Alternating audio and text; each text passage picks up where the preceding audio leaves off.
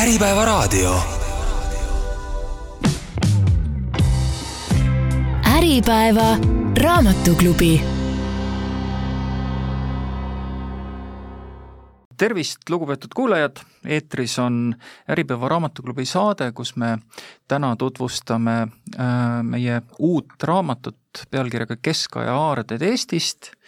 meil on stuudios äh, raamatu autor Mauri Kiutsoo arheoloog, numismaatik, suur müntide asjatundja, vabal ajal oma aega sisustab äh, metsavendade tegevuse arheoloogilise uurimisega. mina olen saatejuht Rain Väet, äh, ajakirja Imeline ajalugu vastutav väljaandja ja nagu öeldud, täna me siis räägime Mauri Kiutsu uuest raamatust Keskaja aarded Eestist. esimene küsimus, mis ma tahtsin sinult küsida selle raamatu kohta, on see, et äh, miks sa üldse tahtsid kirjutada raamatu Eesti keskaja aaretest. mis sind kannustas seda tegema? keskaja aaretega olen mina tegelenud juba viimased veerandsada aastat. et äh, noh, mitte küll jutti, aga, aga see on võib-olla see teema, millega ma olen kõige pikemalt nagu, nagu äh, vaeva näinud ja ja ühel hetkel sain aru, et, et nüüd on võib-olla see tagumine aeg siis äh, see uurimus siis nii-öelda nagu ka ära vormistada mm. -hmm. millal üldse viimati Eestis ilmus mingisugune selline terviklik käsitlus keskaja, no ütleme siis muinasaja lõpu ja, ja uusaja vahelise ajaperioodi aaretest? no kui just äh, pidada silmas kolmeteistkümnendat kuni kuueteistkümnendat sajandit, sellesse perioodi jäävat aega, siis äh, noh, koondülevaadet kui sellist ei olegi tegelikult ilmunud, et, et äh, viimane uurimus, mis hõlmas siis ka keskaegsete aarete kataloogi, pärineb meil juba tuhande üheksasaja kuuekümnendatest aastatest ja selle autoriks on siis äh, minu eelkäija Arkadi Malvõgin, kes kaitses siis Peterburis, tollal Leningradis siis oma doktoritöö ja see uurimus on paraku jäänud käsikirja ja minu teada on praegu kogu maailmas alles võib-olla ainult kaks-kolm käsikirjalist eksemplari. aga vahepeal on ju väga palju vett merre voolanud ja ja uusi teadmisi lisandunud ning ka uusi aardeid nagu maapõuest päevavalgele tulnud.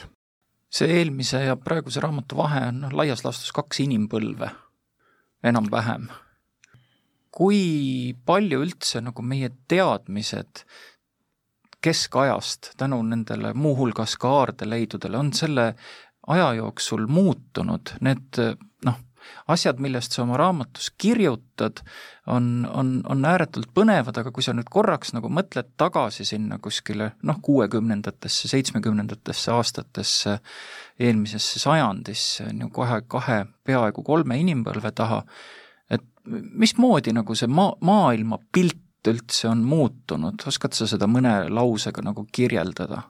jah, ega sellele küsimusele polegi nii lihtne vastata, kuna need äh, teosed ei ole võrreldavad omavahel, et üks oli ikkagi doktoritöö, mis käsitles siis äh, Vana-Liivimaa mündindust tervikuna ja, ja mina proovin siis keskaegsetele aaretele tuginedes anda pildi siis nii-öelda keskaegse maarahva hoiupanga olemusest ja, ja tagamaadest aga no loomulikult on teadmisi lisandunud, uusi leide on lisandunud, noh, arheoloogia on ju tegelikult selline teadus, et äh, erinevalt siis nii-öelda tavaajaloost, et äh, meie arhiiv asub maapõues ja me ei tea tegelikult, mida see endas veel tegelikult peidab, eks.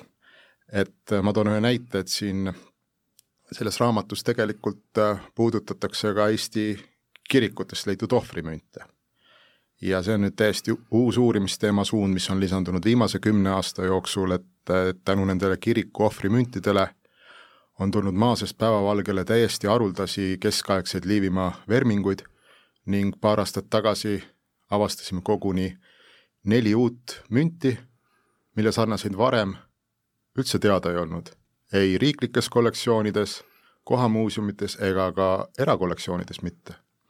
Et äh, ma arvan, et kui me vaataksime, suudaksime näha nagu kümne aastat tulevikku, siis võib nii mõnigi asi olla hoopis teistmoodi, kui nagu meie praegu seda nagu ette kujutame, ehk siis lisandunud on üha uusi, uusi leide ja ka tegelikult erinevad erinevad teoreetilised koolkonnad ju lähenevad mingile perioodile, mingile arheoloogia ajajärgule hoopis, hoopis uutmoodi, teistmoodi, nii et jah. Et jah, sellele küsimusele on nagu raske vastata, noh kindlasti oli Arkadi Malvõgini töö oli tase, mida kasutatakse just nagu mündinduse teoreetilist poolt silmas pidades tänapäevalgi. kui vaadata sinu raamatu peatükke, siis sa kirjutad siin mit-, mitmest äh, hästi sellisest pöördelisest või selgepiirilisest äh, perioodist, mis, mis nagu Eesti keskaja jooksul äh, aset leidsid, noh, tavaliselt on need olnud mingisugused vapustused, võib niimoodi öelda, sellised keerulised ajaloolised sündmused.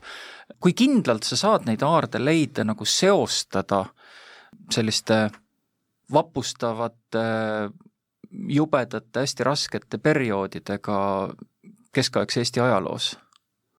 Osaliselt saab, osaliselt mitte, niivõrd kindlalt siis, et noh, kui me vaatame neid kolmeteistkümnenda, neljateistkümnenda sajandi vahetuse leida, siis äh, nendesse kuuluvaid münte on tegelikult äh, võimatu aastase täpsusega nagu määrata. tegelikult oli üldse selline lugu, et äh, et äh, ka keskajal ju ei olnud müntidele peale kirjutatud aastaarve. Need tulevad Eesti müntidele, Liivimaa müntidele alles kuueteistkümnenda sajandi algupoolel. aga jällegi siin tuleb äh, tagantjärele suur tänu öelda harrastusnumismaatikule Mihhail Nemirovitš Tantšenkole, kelle elutöö seisneski äh, nende nii-öelda aastaarvude väljaselgitamises.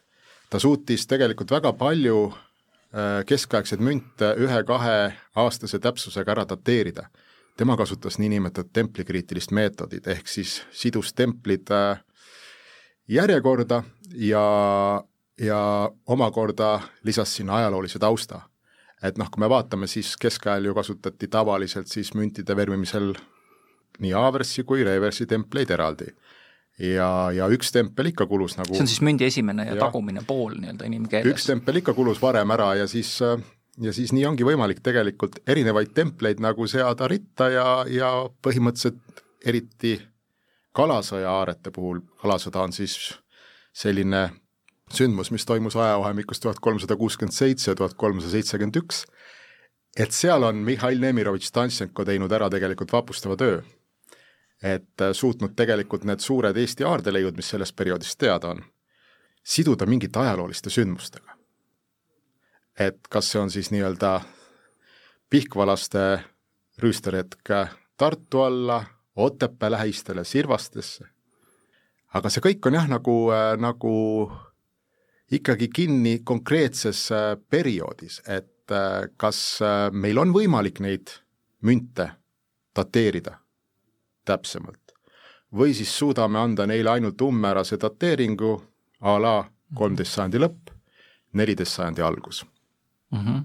sa kasutad oma raamatu peatükkidel selliseid hästi huvitavaid pealkirju, näiteks üks äh, on, äh, kannab nime Vana hea Liivimaa. Kirjelda seda vana head Liivimaad äh, lugejatele, mida sa, kuidas sa selle nagu kokku võtad?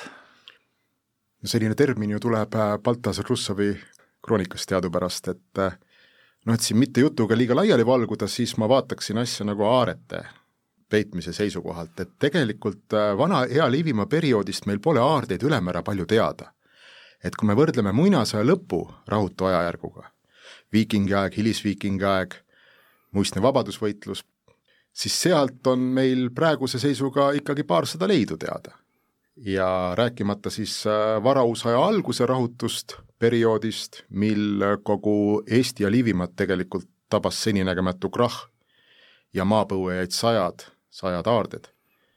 et kui me vaatame aga vana Liivimaa perioodi, ehk siis Eesti mõistes keskaega, kolmteist kuni kuusteist sajand, siis on kogu sellest äh, perioodist on äh, teada praeguse seisuga, kuna nüüd, kui raamat on ilmunud, räägime me seitsmekümnest aardest alles hiljaaegu oli selline seisukoht levinud, et, et kogu keskajast teame ainult äh, vaevalt pooltsada aardeleidu. tegelikult aarete vähesus osutabki vanale heale Liivimaale kui sellisele, et, et aarded, eriti ajaloolisest ajast perioodist, ei osuta mitte niivõrd jõukusele, kuigi ka sellele nad osutavad, vaid äh, pigem siiski hävingu mastaapsusele mingis piirkonnas. Et äh, ega ju keegi vähemasti sellel perioodil enam aardeid niisama ära ei visanud, vaid nad pandi ikkagi maapõue sooviga nende sisu kunagi kasutada ja võib-olla siis surivoodil öelda oma järeltulevatele põlvedele, kuhu on varandus, hoiupank peidetud.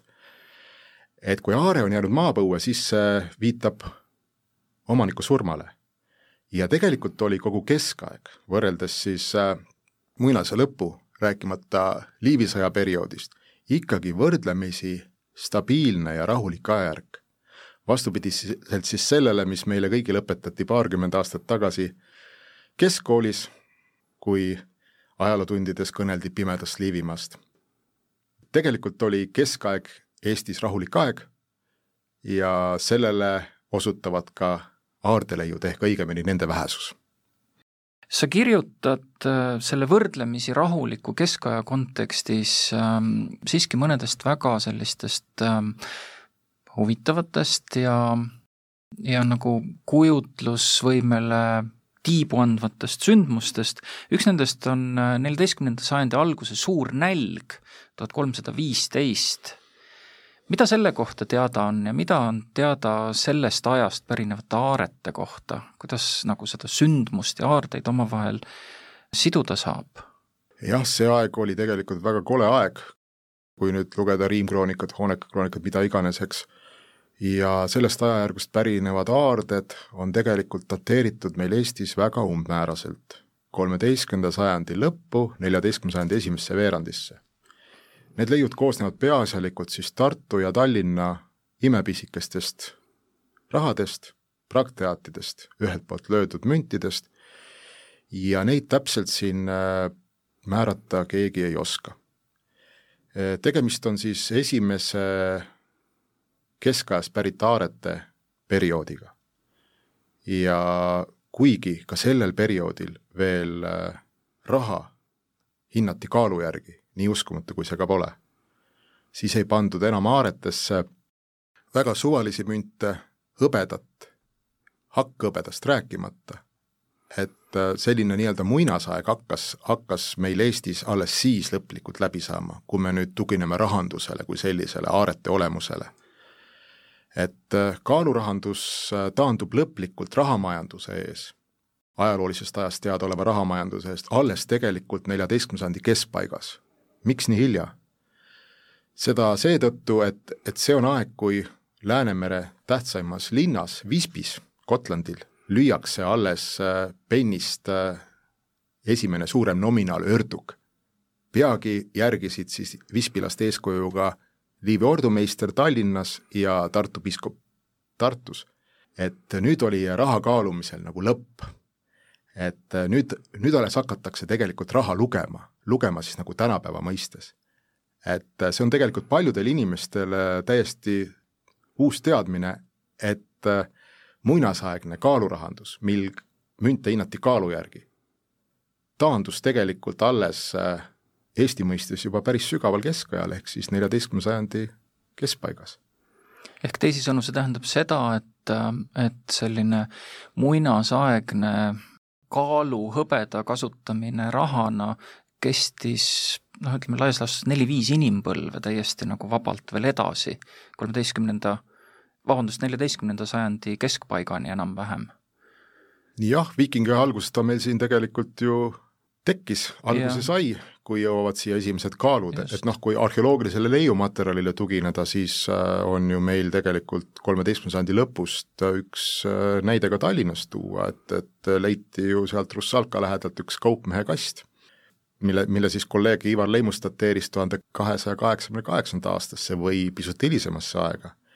et seal oli siis müntide ja muude esemete asjade kõrval ka kaupmehe kaalud veel sees mm. -hmm ja noh, kui me loeme tegelikult ju arhiiviallikaid, siis äh, selgub üllatav tõsiasi, et isegi sellistes suurtes linnades nagu Tallinn ja Riia toimus siis neljateistkümnenda sajandi algul raha hindamine veel kaalu järgi. Et noh, kui me raamatus neid tollaste aarete pilte vaatame ja neid imeõhukesi penne, mis seal aaretes sees on, siis me ju saame aru, et neid nagu näppude vahel lugeda on ka ilmvõimatu, et ma kujutan ette, et kui me suurematest summadest räägime, siis iga kord, kui me loeme, saame seal erineva tulemuse, sest need ju kleepuvad üksteise külge ja, ja ja noh, tähendab, raha kaalumine kui selline oli ainuvõimalik, eriti suuremate summade puhul. ja nüüd jõuan alles tagasi sinu küsimuse juurde. Et äh, kuna raha kaaluti, kuigi on olemas erinevad äh, mündi alatüübid tollal aaretes, noh neid Tartu äh, piiskopkonna praktteate, millel on kujutatud mõõka ja võtit, ehk siis tollase Tartu piiskopkonna kaitsepühakute Peetruse ja Pauluse atribuute, neid tehti ju väga pika aja jooksul. ja tehti ka alatüüpe, kuhu on lisatud mingeid tärne, punktikesi, poolkuid, rõngaid, aga kuna kogu aeg toimus ju raha kaalumine, siis, siis nendel alatüüpide järgnevusel polnud nagu aarete dateerimise seisukohalt mingit tähtsust ja see suur nälg, mis siis kroonikates, mida kroonikates mainitakse, tõenäoliselt on osa aardeid selle sündmusega seotud, sest see oli ikka päris, päris jube periood. mälu järgi ma raamatus isegi vist ütlen või kirjutan sellise lause, et, et üksikasjadest ei taha siin nagu lugejaid nagu koormata, et see on liiga julm.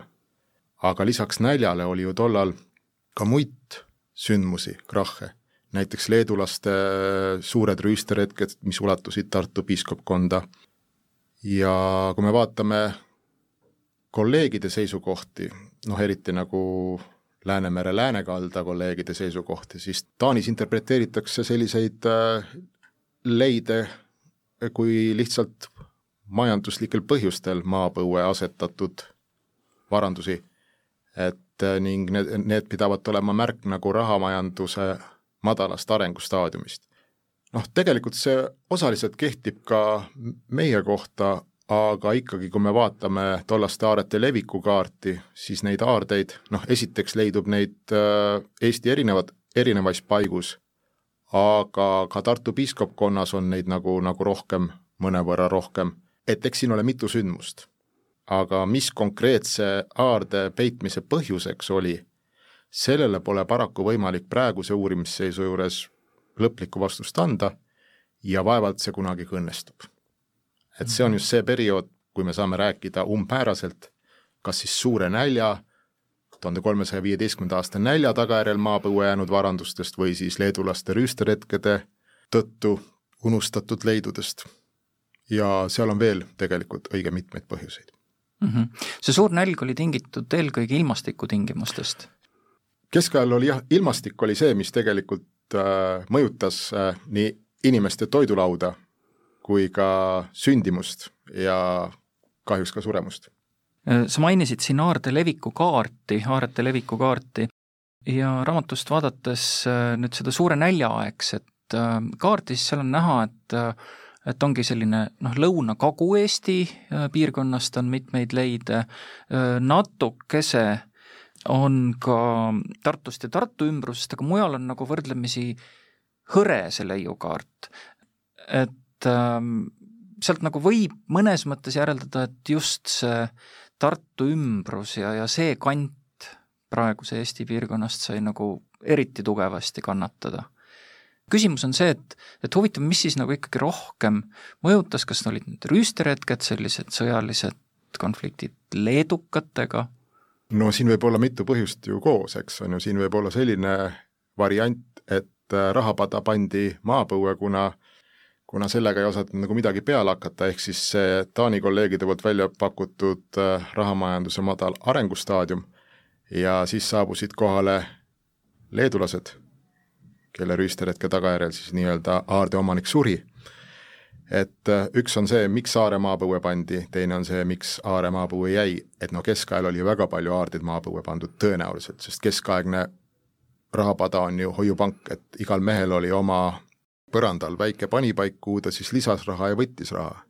et siin ongi kaks erinevat nagu tahku, üks on see aarde peitmise põhjus, mis on vaieldamatult, on alati säästude talletamine, eks, vähemasti keskaja kontekstis.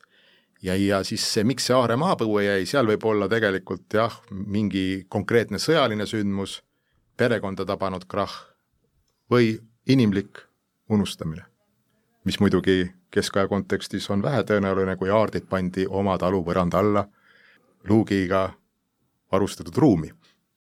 Mauri, sinu raamat räägib keskaja aaretest, nii nagu tema pealkiri ütleb.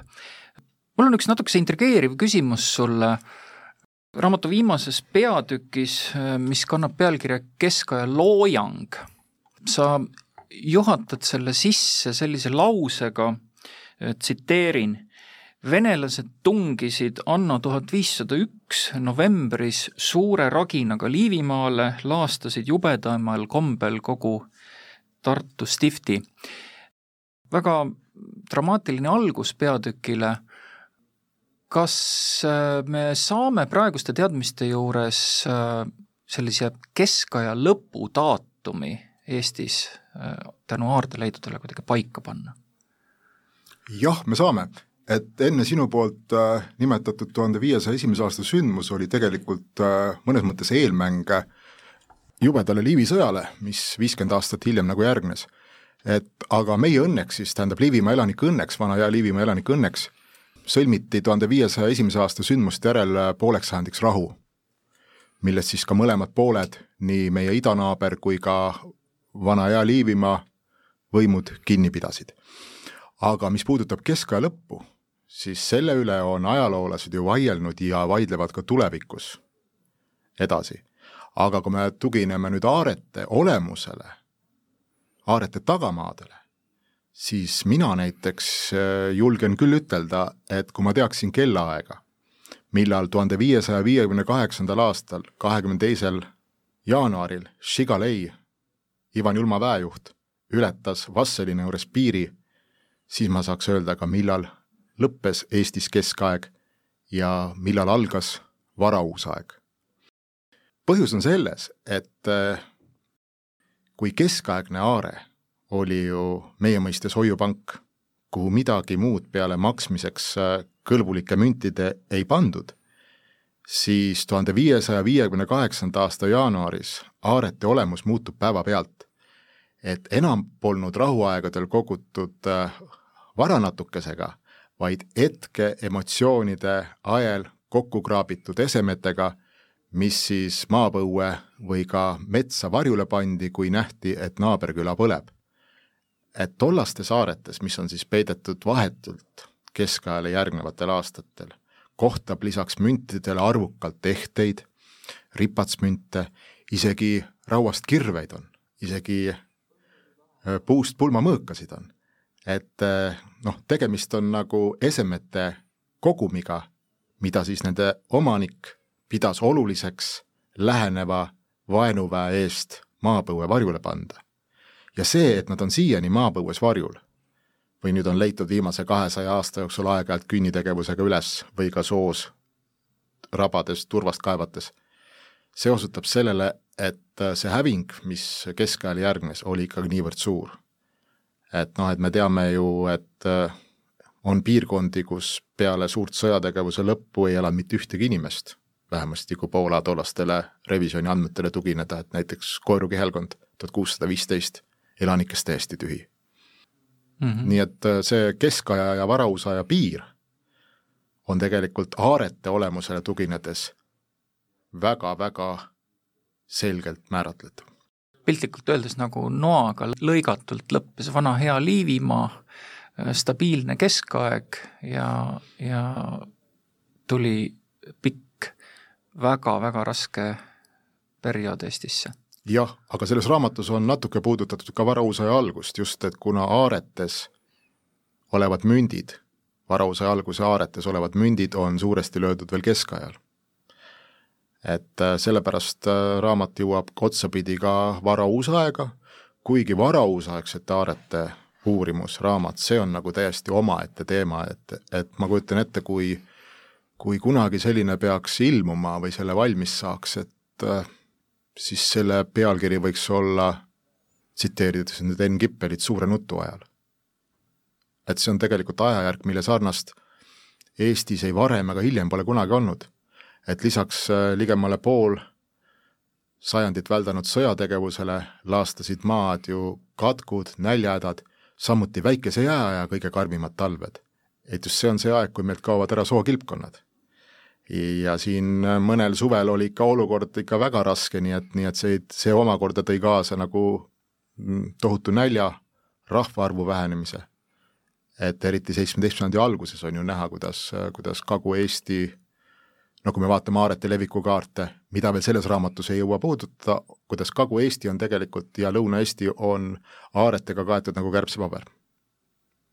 Aarete koostises on lisaks sellisele noh, tavapärasele või ütleme noh, kui keegi aaret ette kujutab, siis, siis kuidagi silmade ette tekivad, eks ole, mündid, sellised sädelevad äh, rahad, ehted. äh,, võib-olla ka sellised hõbeda või, või mõne muu väärismetalli tükid, aga sinu raamatus kirjeldatud aaretes pahatihti on ka hoop hoopis selliseid esmapilgul võib-olla isegi kummalisena tunduvaid asju. räägi kõige üllatavamatest asjadest, mida, millega sa oled kokku puutunud aardeid uurides, mida sealt veel nagu leida võib? oi, siin on väga palju huvitavaid leide, et, et kui me nüüd keskaega vaatame just seda suure näljaperioodi, tuhat kolmsada viisteist, siis äh, Vasselina kandist on leitud üks äh, Põhja-Saksamaal valmistatud savinõu, mis oli täidetud Tartu piiskopkonna praktteatidega ja kolleeg Erkki Russov aitas seda savinõud nagu määrata, ehk siis tema kasutusfunktsiooni paika panna, et noh, et Lääne-Euroopas on sellest ju kirjutatud eraldi monograafiaid, uurimusi, et selgus, et tegemist on äh, keskaegse lapse lutipudeliga, millesse siis Vassilina taluperemees oli oma rahatagavara pannud et ma olen seda küsimust küsinud alati kooliõpilastelt ka kui viktoriini küsimust, et, et siiani on ainult äh, üks inimene õieti vastanud sellele. hiljem selgus sellepärast, et ta oli seda küsimust juba eelmisel aastal nagu ekskursiooni ajal kuulnud ja tegi näo, nagu oleks ta seal näitusesaalis, kus see Vasselina keskaegne lapse lutipudel väljas on esimest korda. aga kui nüüd ehetest rääkida, noh et selles raamatus on ka üks uhke varauusaegne aare lahkamist leidnud, et, et seda eelkõige seetõttu, et see sisaldab keskaegseid kullassepa tooteid, et ja, ja väga palju ka keskaegseid Vana-Liivimaa münte, et, et see on, see on tüüpiline näide, jutumärkides tüüpiline näide Eesti röövliaaretest, et noh, miks ma niisuguse termini kunagi nagu välja mõtlesin, no selles raamatus ma seda ei käsitle, see on niisugune, niisugune rohkem poolnaljaga öeldud, et üks Rootsi kolleeg küsis mu käest, et kas teil on ka röövliaardeid, mina õppeaega mõtlesin, ütlesin, et üks vist on. Nimelt, Uue Pornuse mõisa lähedalt Erreste külast avastati juba ammu, enam kui sadakond aastat tagasi, niisugune suur äh, nõu, mis oli täis siis äh, tüüpilisi talurahva ehteid, kesk- ja varauusaegseid münte ning äh, üllataval kombel ka mõningaid kullassepa tooteid. et äh, nõu peal olnud äh, vappi tinast kätepesu nõu, mis on muuseas linnarahvale tollasele keskaegsele linnaelanikule omane, seda ei suudetud täpselt nagu interpreteerida, aga ju oli seal Kosküllide aadlisuguvõsa vapp. küll aga oli seal üks lusikas. kroonnud potsaga lauale püsti käiv lu-, lusikas, valmistatud umbes tuhande viiesajanda aasta paiku Põhja-Saksamaal Lõuna-Taanis ja nii üllatav, kui see ka pole meie ainukene keskaegne lusikas, mis on siiani riiklikes kollektsioonides. ei ole kirikute varakambrites ühtegi ega ka mujal ja, ja tuli välja siis nii-öelda talumatsi aardega koos. ja miks ma sellest üldse räägin, on see, et selle lusika peal oli uue Pornuse mõisa omanike Schlippenbachide vapp. ja Erreste küla naabruses asus ju uue Pornuse mõis, mis tollal tuhande kuuesajanda aasta paiku kuuluski äh, Schlippenbachide aadlisuguvõsale. ja siis ongi tüüpiline röövliaare, noh, et äh, segastel aegadel siis lööb Erreste küla talumees maha uue Bornuse mõisniku Schlippenbachi või, või vähemasti teostab seal röövimise ja siis hiljem, seitsmeteistkümnenda sajandi alguses Lõuna-Eestit tabanud suure näljahäda vältel saab ise surma. et see jah, see uue Bornuse mõisa lähedalt Erreste külast leitud aarde koostis, vot see on tegelikult, on ääretult huvitav, kuidas on kaks erinevat kultuuriruumi on saanud kokku ja noh, muidu meie keskaegsetes saaretes ju kullassepa tooteid ei ole, samuti pole kullast rahasid, sest kullaga oli keelatud arveldada et mitte, et talumees poleks saanud kuldmünte omada, vaid lihtsalt see oli nagu talumehe kaitseks väljastatud seadus, et kuldmüntide mitmekesisuse juures võis see viia nii-öelda harimatu lihtrahva petmiseni. Et kui me vaatame neid tohutuid koguseid hõbedat, mis on leitud Olustvere keskaegsest külatuumikust leitud kümme tuhat münti, et, et noh, et noh, tegelikult need on suured varandused ja see, et miks nagu kulda ei ole, see on äh, pigem nagu käskude-keeldude tagajärg. et meil on üks kuldaare leitud keskaegne, kus on kuld, kaks kuldmünti sees. Ruhnu saarelt, aga see pole päris nagu, nagu tüüpiline maarahva aare, et, et tollal elasid seal ju rootslased veel. Ja need mündid on paraku, on Rootsi kuninglikus mündikabinetis praegu õnnestus seal näha, nad välja selgitada, et tõepoolest sellesse leidu kuulubki kaks kuldmünti. Ja noh, et ega kõik need aarded, millest ka siin raamatus kirjutatakse, ei asu ju Eestis, et, et kui me vaatame üheksateistkümnendat sajandit, siis oli Vene keisririigis oli niisugune säädus, et, et noh, et oli esiteks selline institutsioon kui imperaatorlik arheoloogiline komisjon, mis siis tihtipeale kõik paremad palad äh, krabas kas siis Ermitaaži või Moskva muuseumitesse, tänapäeva Puškini muuseum, ja, ja vastu anti niisuguseid võib-olla Venemaa teistest osadest pärit leide ja samuti on Lõuna-Eesti aarded on ju Riias. ja väga palju on kuskil Lääne-Euroopas, Stockholmi kuninglikus mündikabinetis on leida, nii et nii et jah, väga palju tuleb tugineda omaaegsetele arhiivimaterjalidele. Ja, ja siis äh, ka sõja ajal on toimunud suured kaotused ning mis kõige nagu hullem siis uurija seisukoht on see, et üheksateist sajand näiteks ju väga paljud aarded peale määramist antigi kas kullastseppadele ümbersulatamiseks või siis jagati Euroopa muuseumite vahel laiali. noh, kõige parem näide on ju see Eesti või maailma suurim aare, mis on leitud Eestist, et et see jääb nüüd, ütleme, keskajast küll välja, aga ma räägin selle loo ära. et üheksateistkümnendal sajandil siis avastati Räpinast kaks suurt rauast katelt, no see avastati siis Veskitammi ehitusel kruusa kaevates. ja need kaks suurt rauast katelt olid täis Vene traatkopikaid ja alguses hakkasid õpetatud Eesti Seltsi mündiuurijad, konservaatorid neid lugema, noh, määrati ära, et tegemist on Peeter Esimese rahadega, aga lõpuks ei suudetud nagu kuidagi nagu lugeda, kogu aeg läks sassi, siis kaaluti ja, ja tehti siis seal äh, umbmäärane arvutus, et noh, Peeter Esimese kopika keskmine kaal on null koma kaks grammi, et seal selles haardes oli kakssada tuhat münti mis kõik anti siis äh, Tartu kullastseppadele, Lõuna-Eesti kullastseppadele, kes valmistasid sellest siis äh, Setu-Võrumaa naiste kaelaehted ja ka mõisnike tuhatoosid.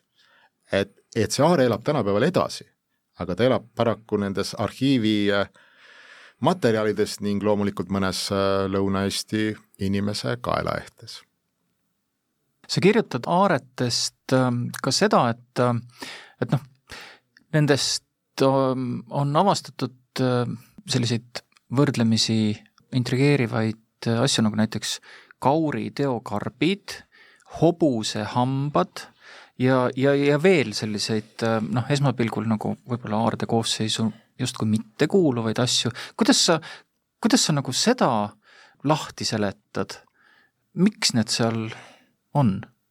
no hobusehammastega seoses on, siinkohal ma jään vastuse võlgu, nagu tõenäoliselt kõik numismaatilise kallakuga uurijad, et, et, et, et me ei suuda isegi üheksateistkümnenda sajandi esivanemate mõttemaailmast täiesti aru saada, et, et kui mõelda, miks on siis neljateistkümnendal sajandil nagu Kohtla-Järve lähedale sohu pandud äh, keskaegne pronksist toidu valmistamisnõu kraapen ja see täidetud hobusehammastega, siis see on äh, arvatavasti kultuslik motiiv on sellel leiul. veel sügaval keskajal? jaa, noh, tegelikult äh, väga paljud uskumused elasid ju edasi kuni kahekümne sajandini.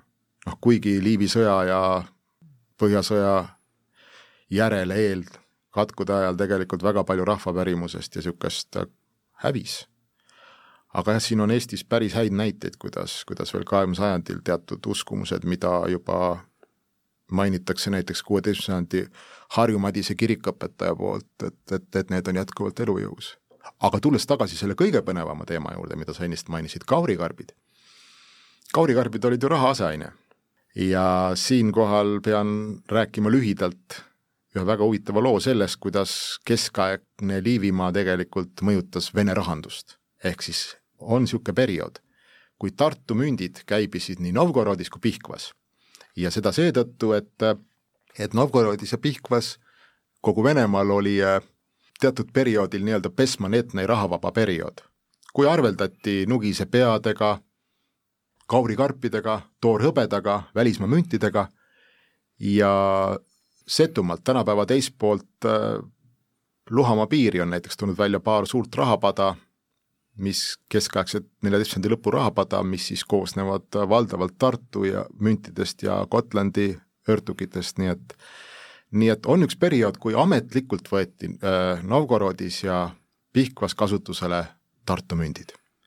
lühiajaliselt küll, aga see oli põhjustatud sellest, et meil siin Liivimaal oli neljateistkümnenda lõpul kujunenud välja kogu Läänemere regiooni arenenud mündisüsteem oma kolme erineva nimiväärtusega ja, ja no loomulikult, kuna Venemaas olid tollal segased ajad, siis seal oma raha ei löödud, aga inimene on ju raha karjunud.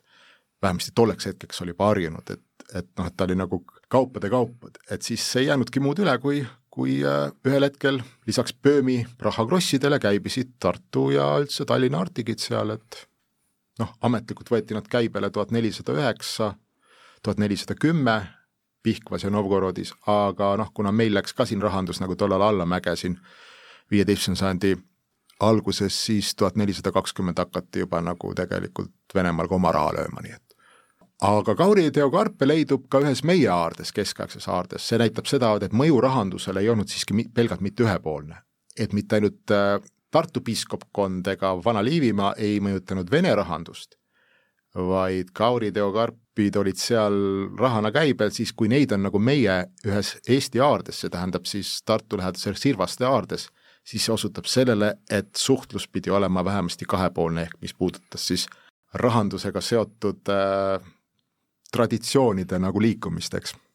Mauri, üks sinu raamatu peatükk äh, kannab nime Keskaja suur depressioon, neljateistkümnenda sajandi päris lõpp ja ja äh, viieteistkümnenda sajandi noh, esimene pool äh, laias laastus.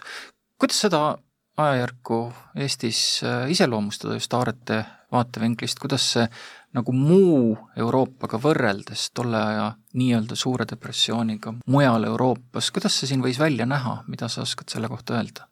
no suurt depressiooni kui sellist on Eestis eriti rõhutanud Ivar Leimus, kolleeg, hea kolleeg, et tegemist on siis nagu, nagu raamatust välja tuleb, äh, kõige rikkama aarete perioodiga keskajal, e-, et aarete leiukad katavad ühtlaselt kogu Vana- ja Liivimaa et, et mida see depressioon endast kujutas, et eurooplastele oli ju neliteist-viisteist sajand äh, väga raske aeg.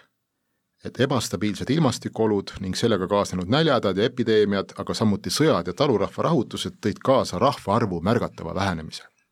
ja, ja sellega kaasnes siis ka hõbedakriis. Et ütleme, neid aardeid on just perioodist tuhat kolmsada üheksakümmend, tuhat nelisada kakskümmend. kuigi suur depressioon kestab tuhande neljasaja seitsmenda aastani, siis selle depressiooni teisest perioodist meil aardid jälle pole ja põhjus on selles, et, et raha, mida peita lihtsalt polnud, mis oli seotud omakorda hõbedakriisiga. ehk siis väga karm ajajärk, millest ülemäära palju ju tegelikult Eesti ajaloo huvilised ei tea. Ja, ja lisaks aaretele olen mina selle perioodiga seostanud ka kirikutes toimunud müntide ohverdamise järsku kasvu.